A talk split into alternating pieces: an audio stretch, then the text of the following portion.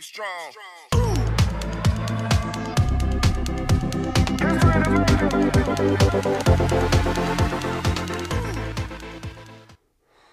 Zsolt, mi ezt már próbáltuk, de nem működött egyszerűen.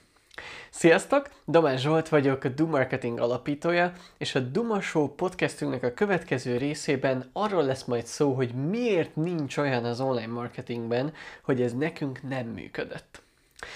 Nagyon-nagyon sok előadásomon szoktam találkozni azzal a gondolattal, azzal a kifogással és azzal a visszajelzéssel a nézőktől, ügyfelektől, tanítványoktól, hogy amit éppen tanítok, azt ők már próbálták, de nekik nem működött. Például okáért, amikor webinárokról tanítok, akkor nagyon-nagyon sokszor megszoktam kapni azt, hogy Zsolt, mi már csináltunk webinárokat, de egyszerűen nem működött. És akkor mindig visszaszoktam kérdezni, hogy oké, okay, de mi az, ami nem működött pontosan? Mi az, amit megcsináltatok? És akkor elmondja az ügyfél, hogy ja igen, hát kiraktunk Facebookra egy eseményt, elköltöttünk rá 5000 forintot, hogy kiemeljük a Facebook eseményt, tehát még csak nem is rendes hirdetést hozzunk létre, hanem csak kiemeltük az eseményt. 33-an visszajeleztek, hogy ott lesznek, és végül 8-an néztek minket élőben a webinár végén. És nem adtunk el belőle semmit. Úgyhogy erre az emberek nem is kíváncsiak, nem is iratkoztak fel rá, és nem is vásároltak, tehát nekünk ez nem működött. És ilyenkor mindig kiderül az, hogy igazándiból abszolút hiányzik az ügyfeleknek a gondolkodás módjából a folyamat központú szemlélet. Mert csak annyit tudnak mondani, hogy ez nekem nem működött, és amikor rákérdezek arra, hogy pontosan mi nem működött, akkor igazándiból nem tudják tételesen felsorolni, hogy milyen lépésekből áll egy-egy vevőszerző folyamat, hanem gondoltak valamit, abból, hogy hallották, hogy webinárt kéne csinálni, és akkor megvalósították pont így, mint ahogyan a példa is mutatja, hogy mondjuk Facebookon meghirdetik egy eseményként. Ezzel szemben a folyamatközpontú szemléletnek minden egyes vevőszerző lépésben, vevőszerző folyamatban különböző lépései vannak. Például ahhoz, hogy egy webinár működjön, a következő lépéseken szükséges végigmenni. Ki kell találni a témáját, utána kell egy feliratkozó oldal, ahol meg lehet adni az e-mail címet, azért, hogy utána után követni tudjuk azokat, akik feliratkoztak a webinárunkra, tehát nem elegendő az, hogy egy Facebook eseményt létrehozunk. Utána meg kell hirdetni Facebookon ezt a feliratkozó oldalt, hogy legyen majd sok-sok ember, aki ott lesz magán a webináriumon. Egész pontosan érdemes nagyjából olyan 300 feliratkozót gyűjteni, ugyanis a statisztikák azt mutatják, hogy nagyjából a feliratkozóknak a harmada lesz majd ott élőben a webinár alatt.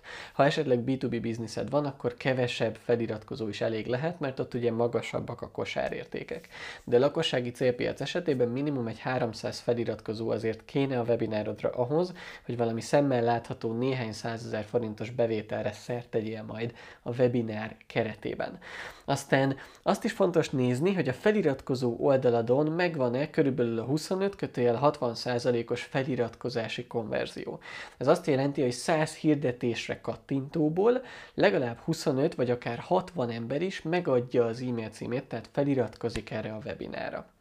Aztán utána, ahogy néztük, nagyjából ugye 30%-uk fog élőben követni, ez is egy mérési pont, hogy eddig rendben van-e a folyamat vagy sem. Aztán utána az élőben nézők közül nagyjából olyan 10% az jó lenne, ha vásárolna. Hogyha egy alacsony értékű dolgot adsz el, néhány 10 forint értékben, vagy maximum 100 ezer forintos határig, akkor azonnal az élőben nézőknek a 10%-ának el kéne tudni adni. Mondjuk 5 fölött már egész jó vagy, 5 alatt egész biztos, hogy valami nem jó a webinárodnak a felépítésében. És hogyha nagyon ügyes vagy, akár 10-15-20%-ot is el tudsz érni. Ha esetleg ingyenes konzultációt adsz el a webináron, tehát annyira magas az a szolgáltatás vagy termék, amit el akarsz adni, hogy nem lehet azonnal kifizetni online bankkártyával, hanem szükséges, hogy valakivel beszéljenek telefonon, akkor pedig a statisztikák azt mutatják, hogy olyan 20, akár 30 százalék is be tud jelentkezni egy ingyenes telefonos konzultációra. Tehát ha százan nézik élőben a webináriumodat, akkor akár 20-30 leaded, azaz érdeklődőd is lehet, aki bejelentkezik egy ilyen konzultációra hozzád. Na és nem csak a webinárokat lehet lebontani így lépésekre, hanem tulajdonképpen minden egyes vevőszerző folyamatot. És ezért mondom azt, hogy valójában nincs olyan az online marketingben, hogy nekünk ez nem működött, mert aki csak annyit tud mondani, hogy neki ez nem működött, az nagyon nagy eséllyel nem érti a stratégiáját annak a vevőszerző folyamatnak, amit szeretne megvalósítani. Teljesen vakon repül. Mert hogyha értené a stratégiát, és egy picit is képbe lenne az online vevőszerzéssel, akkor nem azt mondaná, hogy nekünk ez nem működött, hanem lebontaná lépésekre a folyamatot, és abban kérne segítséget, hogy például Zsolt, nekünk egy darab webinár feliratkozónak a költsége az 2000 forintba került, de azt látom másoknál, hogy nekik akár néhány száz forintból is megvan egy feliratkozó. Hogyan tudnánk lecsökkenteni a feliratkozónkénti költséget? És akkor már is tudjuk, hogy vagy a hirdetésekhez, vagy a feliratkozó oldalhoz szükséges hozzányúlni.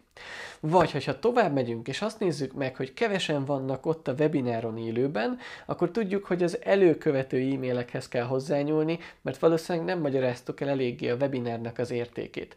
Vagy nagyon sokan elkövetik azt a hibát például, hogy kiírják már előre, hogy visszanézhető lesz majd a webinárium, és ezért nincsenek is ott annyian élőben.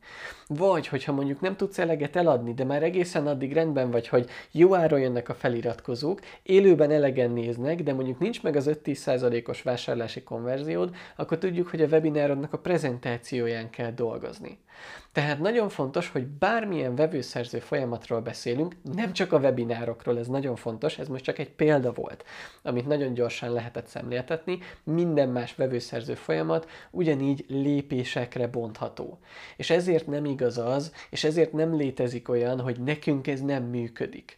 Az nagyon ritka, hogy semmi nem működjön jól egy vevőszerző folyamatban. Sokkal inkább az a valószínű, hogy fogalma nincsen az adott ügyfélnek arról, hogy itt lépésekben, folyamatokban kéne gondolkodni, ezért a mérést és az ellenőrzést, a tesztelést sem lépésekben végzik, és ezáltal gyakorlatilag el vannak veszve, amikor fejleszteni kéne a dolgokat, és csak így állnak tárt karokkal az eredmények mögött, amik nem jönnek de ilyenkor nem az a jó következtetés, hogy nekünk ez nem működött, hanem le kell bontani lépésekre a folyamatot. És hogyha legközelebb már te is így gondolkozol, akkor garantálom, hogy ott lesznek az eszközök és a lehetőségek a kezedben ahhoz, hogy tovább fejleszd a vevőszerző folyamatodat. Mert nem csak a letargiában ültök majd tehetetlenül, hanem megnézitek lépésről lépésre lebontva azt, hogy pontosan hol csúszhatott el a folyamat.